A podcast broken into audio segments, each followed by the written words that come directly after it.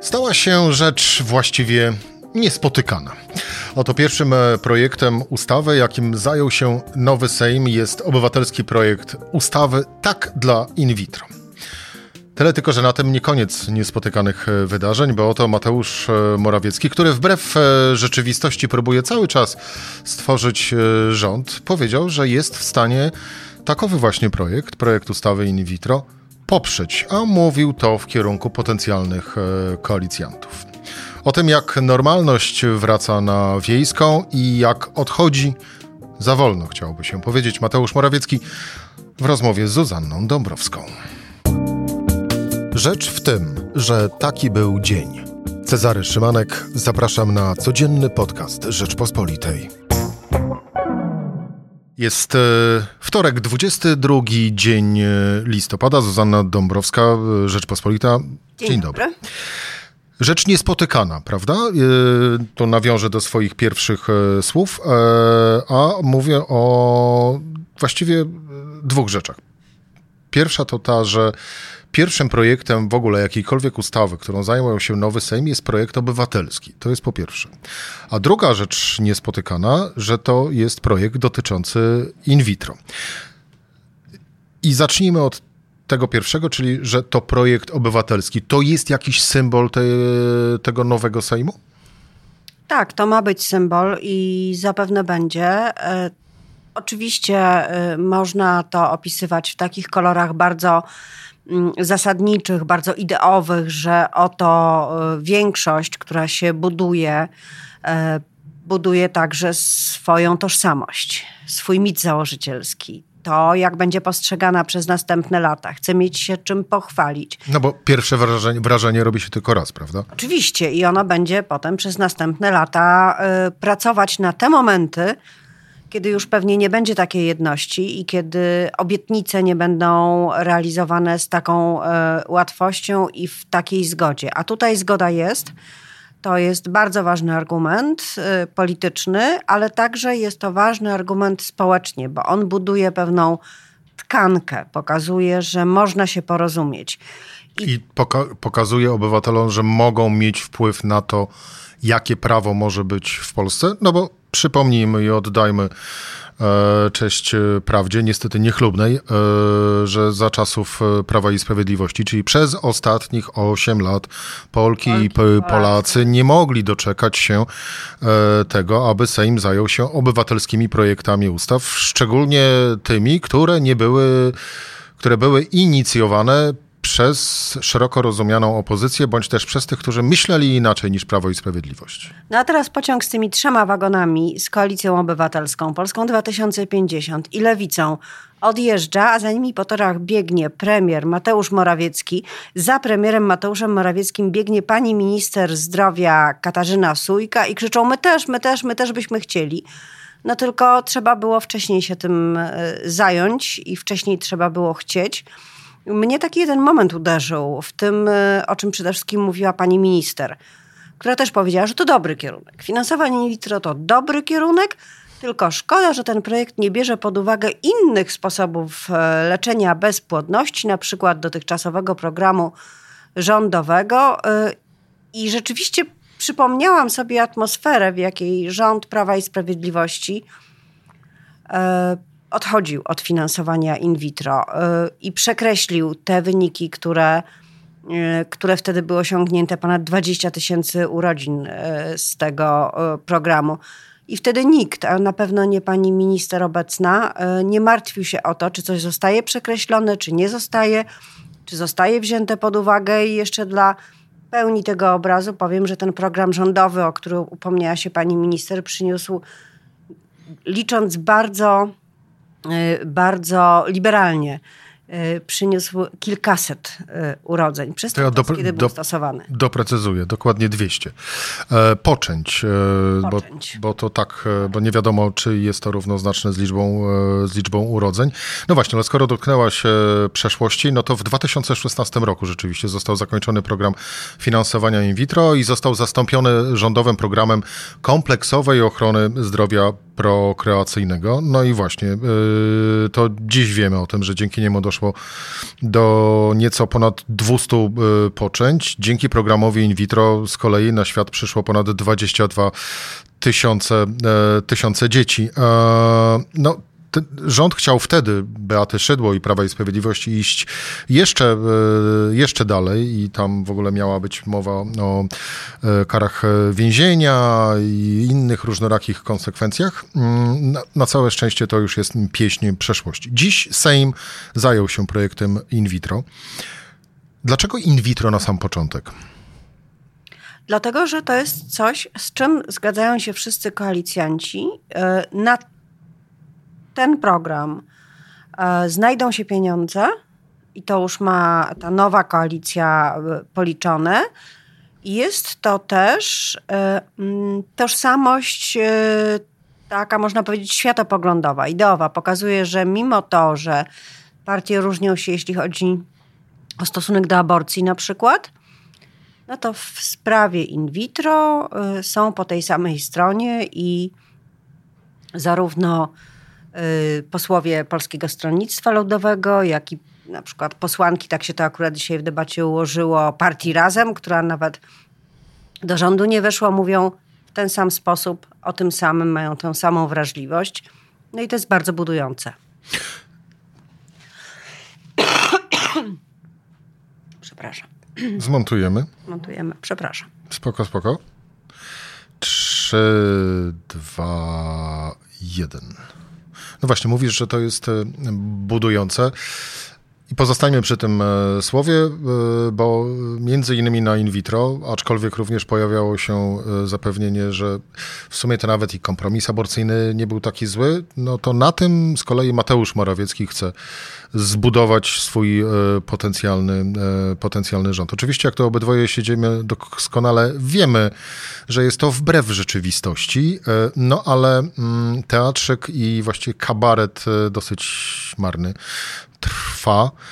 Mm, skąd ta nagła e, zmiana u Mateusza Morawieckiego? Tu kompromis aborcyjny, tu poparcie in vitro, za chwilę może związki partnerskie?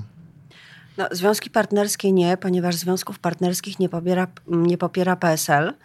A skoro nie popiera PSL, to i Morawieckiemu nie opłaca się ich popierać, bo wszystko to jest e, skierowane w stronę e, ewentualnego, nawet już nie teraz, nie w tym rozdaniu, nie w tym pierwszym kroku konstytucyjnym, ale przyszłego wyciągania jakiegoś kawałka e, koalicji, która powstaje i można powiedzieć, że Mateusz Morawiecki wychodzi na pomościk i zanęca, tak jak się zanęca lina Pęczakiem, tak on pokazując się jako polityk centrowy, stara się zanęcić ewentualnych przyszłych partnerów i oczywiście to jest zrozumiała strategia w jakiś sposób. Zawsze tak jest w polityce, że y, kiedy się chce kogoś pozyskać, to nie pali się mostów, to się daje jakieś, jakieś właśnie przynęty. Tyle, że robi to y, w nieszczęśliwym czasie, robi to wtedy, kiedy wiadomo, że przegrał i robi to wtedy, kiedy wiadomo, że usiłuje panicznie E, wykorzystać czas, który dał mu prezydent Andrzej Duda, do tego, żeby ten rząd, który cały czas działa, jego rząd, zrobił ile się tylko da w różnych sferach, e, ocalając e, różne frukta, załatwiając różne ważne rzeczy, sprzedając to, co należy sprzedać i kupując to, co jeszcze można kupić. No, mówisz, że w niewłaściwym czasie, a ja bym do tego raczej dodał przede wszystkim E, niewłaściwa osoba, no bo ostatnie e, lata, lata szczególnie premierostwa e, Mateusza Morawieckiego dowiodły, że jest to osoba, której delikatnie rzecz ujmując, wierzyć raczej nie należy. No oczywiście, że on nie wzbudzi zaufania mm, koalicji obywatelskiej, czy lewicy, czy nawet właśnie polityków trzeciej drogi. Jasne, ale trzeba wziąć pod uwagę także jeszcze jego osobiste y, ambicje i wiarę pewnie w jakieś szczątki y, własnej y, kariery. Pamiętajmy też o sytuacji w Prawie i Sprawiedliwości, w której nie ma właściwie poza prezesem Jarosławem Kaczyńskim innych liderów. I dlatego Mateusz Morawiecki stara się jakiś kawałek podłogi sobie zachować, e, stara się mieć na co powołać w przyszłości, choćby wszyscy inni uważali, że mu się nie uda, no to on coś robić musi i, i wybrał taką właśnie drogę. Mm, ja mam wrażenie, że on także liczy na to jako polityk stosunkowo młody przecież, że ludzie zapominają. I powiem szczerze, coś w tym jest. Ludzie zapominają. Zapominają o różnych grzechach, one się gdzieś tam odkładają, różne wydarzenia, wypowiedzi. E, tylko, że jeśli przekroczy się pewną granicę, to jednak powrotu nie ma. Myślę na przykład o takiej osobie jak Kazimierz Marcinkiewicz. Ja myślę na przykład o tym, jaką rolę w Prawie i Sprawiedliwości, czy wobec Prawa i Sprawiedliwości odgrywa Zbigniew Ziobro. On wrócił, bo był potrzebny, ale nikt mu w Prawie i Sprawiedliwości nie ufa i nawet jeśli kiedyś uda mu się budować własną siłę i wyciągnąć kogoś z PiSu, to będzie to na zasadzie walki, a nie współpracy czy też zaufania. I y, gdybym miała krytykować Mateusza Morawieckiego za to, co robi i jak teraz, to powiedziałabym, że wybrał drogę, która go niebezpiecznie zbliża do momentu, kiedy już nie będzie dla niego ani powrotu, ani perspektywy takiego funkcjonowania w polityce, która zapewni mu dalszą karierę, obecność, y, bo ociera się cały czas o taką granicę y, no, bycia osobą niepoważną. Mówisz o tym, że ludzie zapominają, aczkolwiek e, trochę bym z tym polemizował, bo e, pełna zgoda, ale e, biorąc pod uwagę mm, to, co ludzie kiedyś politykom zapominali, a to, co mieliby teraz zapomnieć po tych ostatnich, ostatnich Zebrało się. ośmiu latach, nie, to są dwie różne, kompletnie różne rzeczywistości i tu raczej tego ludzie, tego ludzie już nie będą w stanie tak naprawdę zapomnieć, bądź też nawet po prostu nie będą, nie będą chcieli. Y, a propos przeszłości Mateusza Morawieckiego, na niego będzie bardziej czekać prokurator czy Trybunał Stanu? E, powiedział Donald Tusk podczas swojej konferencji y, prasowej we wtorek, że y, nowa koalicja nie ma tylu głosów, by można było premierów i ministrów stawiać przed Trybunałem Stanu. No, drżeć może tylko e, profesor Adam Glapiński, prezes Narodowego Banku Polskiego, bo tu nie potrzeba aż tylu głosów i obecna e, koalicja, koalicja demokratyczna dysponuje wystarczającą e, większością, aby profesora Glapińskiego przed Trybunałem Stanu postawić. Ale wracając do premiera. Myślę w związku z tym, że będą rozpatrywane poszczególne sekwencje działań jego rządu. Nie, bez przypa- nie przez przypadek wybory kopertowe jako jeden z pierwszych tematów, które trzeba zbadać, się pojawiły. Nie przez przypadek Donald Tusk mówił o komisjach śledczych. Wszystko to, jeżeli e, nowa koalicja będzie konsekwentna, krok po kroku, może doprowadzić do ustalenia odpowiedzialności. A potem na, jakiej, na jakim poziomie ta odpowiedzialność będzie rozliczana, no to też zależy od tego, co zostanie ustalone, na co będą e, dowody i trudno w tej chwili przesądzić. Ja mam nadzieję, że jedno jest pewne, e, że pewny jest ten proces e, ustalania odpowiedzialności i nikt nie będzie wychodził nagle do toalety w momencie kluczowych głosowań, e, nikogo nie zabraknie. A propos, rozumiem, głosowania dotyczącego postawienia przed Trybunałem Stanu. Tak, Zbigniewa, Zbigniewa, Zbigniewa Ziobro. Jeżeli to będzie się odbywało konsekwentnie, to tylko da nam e, wszystkim poczucie, e, że państwo jest coś warte. Czyli, że nawet jeżeli te winy byłyby większe niż to, co uda się ustalić, to jednak proces dowodowy trwa, to jednak e, trzeba stanąć twarzą w twarz z faktami, z dokumentami, ze świadkami.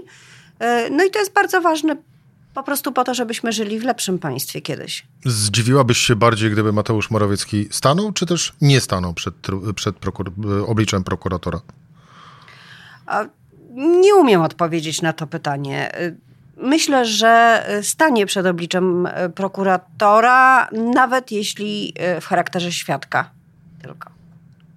Komisje śledcze. Hmm będą miały taki e, impact, no bo wszyscy pewnie gdzieś żyjemy szczególnie e, impaktem na życie publiczne, jakie wywołała Komisja Śledcza do spraw afery Rywina. E, pierwsza tego typu tak naprawdę i taka, która rzeczywiście mm, to, co miała przeorać, to przeorała. Później Kolejne już z o wiele mniejszym e, skutkiem, a te powoływane już z, przez ostatnich 8 lat tak naprawdę były tylko i wyłącznie mm, swego rodzaju sloganami i hasłami na, na transparentach. Mm, zacznie się nowy sezon komisji y, śledczych. Tych komisji, zgodnie z zapowiedzią Donalda Tuska, e, ma być, e, ma być kilka. Dziś również dochodzi jeszcze jedna, na przykład komisja śledcza dotycząca zbadania e, wydatków w trakcie pandemii COVID, COVID-19. Mm, no i, no właśnie, to, to będą tylko i wyłącznie igrzyska, czy, czy to też również jest sposób, nowej koalicji, koalicji demokratycznej, mm, na to, y, aby wyczyścić życie publiczne y, z tych złych rzeczy, które działy się przez ostatnich 8 lat. Gdyby miały to być tylko igrzyska, to wtedy nie ma w ogóle sensu powoływać komisji śledczych. Jak rozumiem ten pomysł, żeby od tego zacząć życie parlamentarne, mm, to są to, będą to e, komisje, które będą zbierać e, dokumenty, materiały i świadków, zanim jeszcze uda się zreformować prokuraturę. Bo przecież e, w tej chwili. To ma być taki, Twoim zdaniem, erzac prokuratury, zanim w niej zajdą zmiany. Nazwijmy to poselskim postępowaniem przygotowawczym. Bo przecież mamy w tej chwili sytuację, w której prokuratura jest zabetonowana mhm. Czyli nie ma tej e, głównej reformy, no bo nie ma rządu, czyli nie ma oddzielenia e, prokuratury od Ministerstwa Sprawiedliwości, ale jeszcze potem zostaje poziom niżej, czyli prokurator krajowy. Do końca nie wiadomo, czy potrzebny jest podpis prezydenta, żeby go odwołać, czy niepotrzebny. W ustawie na, Ziobrowej napisano, że jest potrzebny. Są eksperci, którzy mówią, że nie, że można to obejść. Zobaczymy. A tymczasem czas ucieka. Widać, że te niszczarki pod ministerstwami stoją e, do tej pory. E, ale teczki różnych, e, różnych posłów, na przykład posła Szczerby czy Jońskiego, pękają w szwach od różnych, od różnych materiałów i dokumentów. Je trzeba zweryfikować, trzeba mm, zobaczyć, co mają do powiedzenia ludzie, którzy chcą opowiedzieć, co się działo i Potem zobaczymy, co z, tym, co z efektami y, pracy tych komisji się stanie. Czy oni, one posłużą prokuraturze, czy one będą stanowiły o politycznej odpowiedzialności y, opisanej w raporcie, kiedy, kiedy komisje będą kończyły pracę. Tego przesądzić się nie da, ale na pewno jest to potrzebne, żeby działały już teraz. A już teraz, a właściwie jeszcze w tym roku będziemy mieć nowy rząd, no bo kancelaria prezydenta to ustami ministra Mastalerka y, zapowiada, że na przykład w drugiej połowie, a właściwie tuż przed świętami, y, co tak wynikałoby z kalendarza konstytucyjnego, że wtedy mógłby zostać powołany rząd, to prezydent w ogóle to ma zaplanowane wyjazdy zagraniczne i tak dalej i nie wiadomo, czy on znajdzie czas na powołanie nowego rządu. Sugerują... Nie wiadomo, jakie będą warunki narciarskie, więc y, naprawdę trudno przewidzieć te wyjazdy do końca. To prawda, ale to była taka sugestia, e, że Andrzej Duda, który jasno też przyznał, że Donald Tusk to nie jest jego premier, mm, będzie wszelkimi możliwymi sposobami jeszcze bardziej wydłużał czas powołania rządu Donalda Tuska? Mam nadzieję, że nie. Mam nadzieję, że minister e, Mastalerek pełni rolę e, zagończyka. Tacy politycy też są pewnie potrzebni w polskim Sejmie zawsze odgrywali swoją rolę. Tutaj akurat minister występuje jako reprezentant kancelarii prezydenta, no ale prezydent jest teraz polityczną siłą i widocznie zagoń, zagończyków też mieć musi. Mm, mam nadzieję, że przed świętami ten nowy rząd nie tylko już będzie, ale jeszcze zdąży parę dni e, okrzepnąć, tak żeby, żeby pierwsze takie e, obietnicowe prezenty E, przedstawić e, obywatelom e, przed gwiazdką. To jest bardzo ważne. A myślę tu po prostu o priorytetach, które będą zawarte w ekspoze i takim mm, prostym, jasnym wskazaniu, na co jesteśmy zdecydowani, co możemy, a czego nie możemy. To jest, bo myślę, że obywatele bardzo dużo są w stanie przyjąć od, od polityków, pod warunkiem, że jakieś zręby prawdy i porządku w tym, co politycy mówią, wystąpią. I, I to też była, i to warto o tym pamiętać, tajemnica sukcesu Prawa i Sprawiedliwości po pierwszej kadencji. To, że od pierwszego przemówienia było wiadomo, co PiS chce zrobić, y, jaki ma program. Było to 500. I program ten został zrealizowany. I, I to jest akurat chyba jedyna ważna rzecz, której, której nowa koalicja powinna się od PiSu nauczyć czyli e, tak zwanego dowożenia. E, zatoczmy koło i na krótko jeszcze do, wróćmy do początku naszej rozmowy, czyli projekt, obywatelski projekt ustawy e, Tak dla in vitro. Mm, wiele wskazuje na to, że przejdzie on przez cały parlament, czyli zarówno Sejm, jak i Senat przyjmą ową ustawę, trafi na biurko prezydenta i... I myślę, że prezydent podpisze ten projekt nie będzie chciał się sprzeciwiać projektowi obywatelskiemu, e, zwłaszcza, że e, wyraźnie ten projekt może liczyć na częściowe poparcie w samym PiSie. Zuzanna Dąbrowska, dziękuję Ci bardzo za rozmowę. Dziękuję. To była rzecz w tym podcast. Cezary Szymanek, do usłyszenia.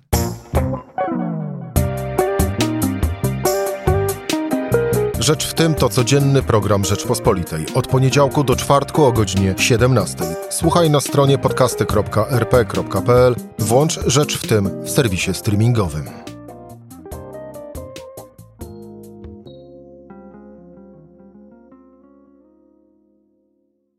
Poznaj mocne strony Rzeczpospolitej. Wejdź na prenumerata rp.pl. Polecam. Bogusław Rabota, redaktor naczelny.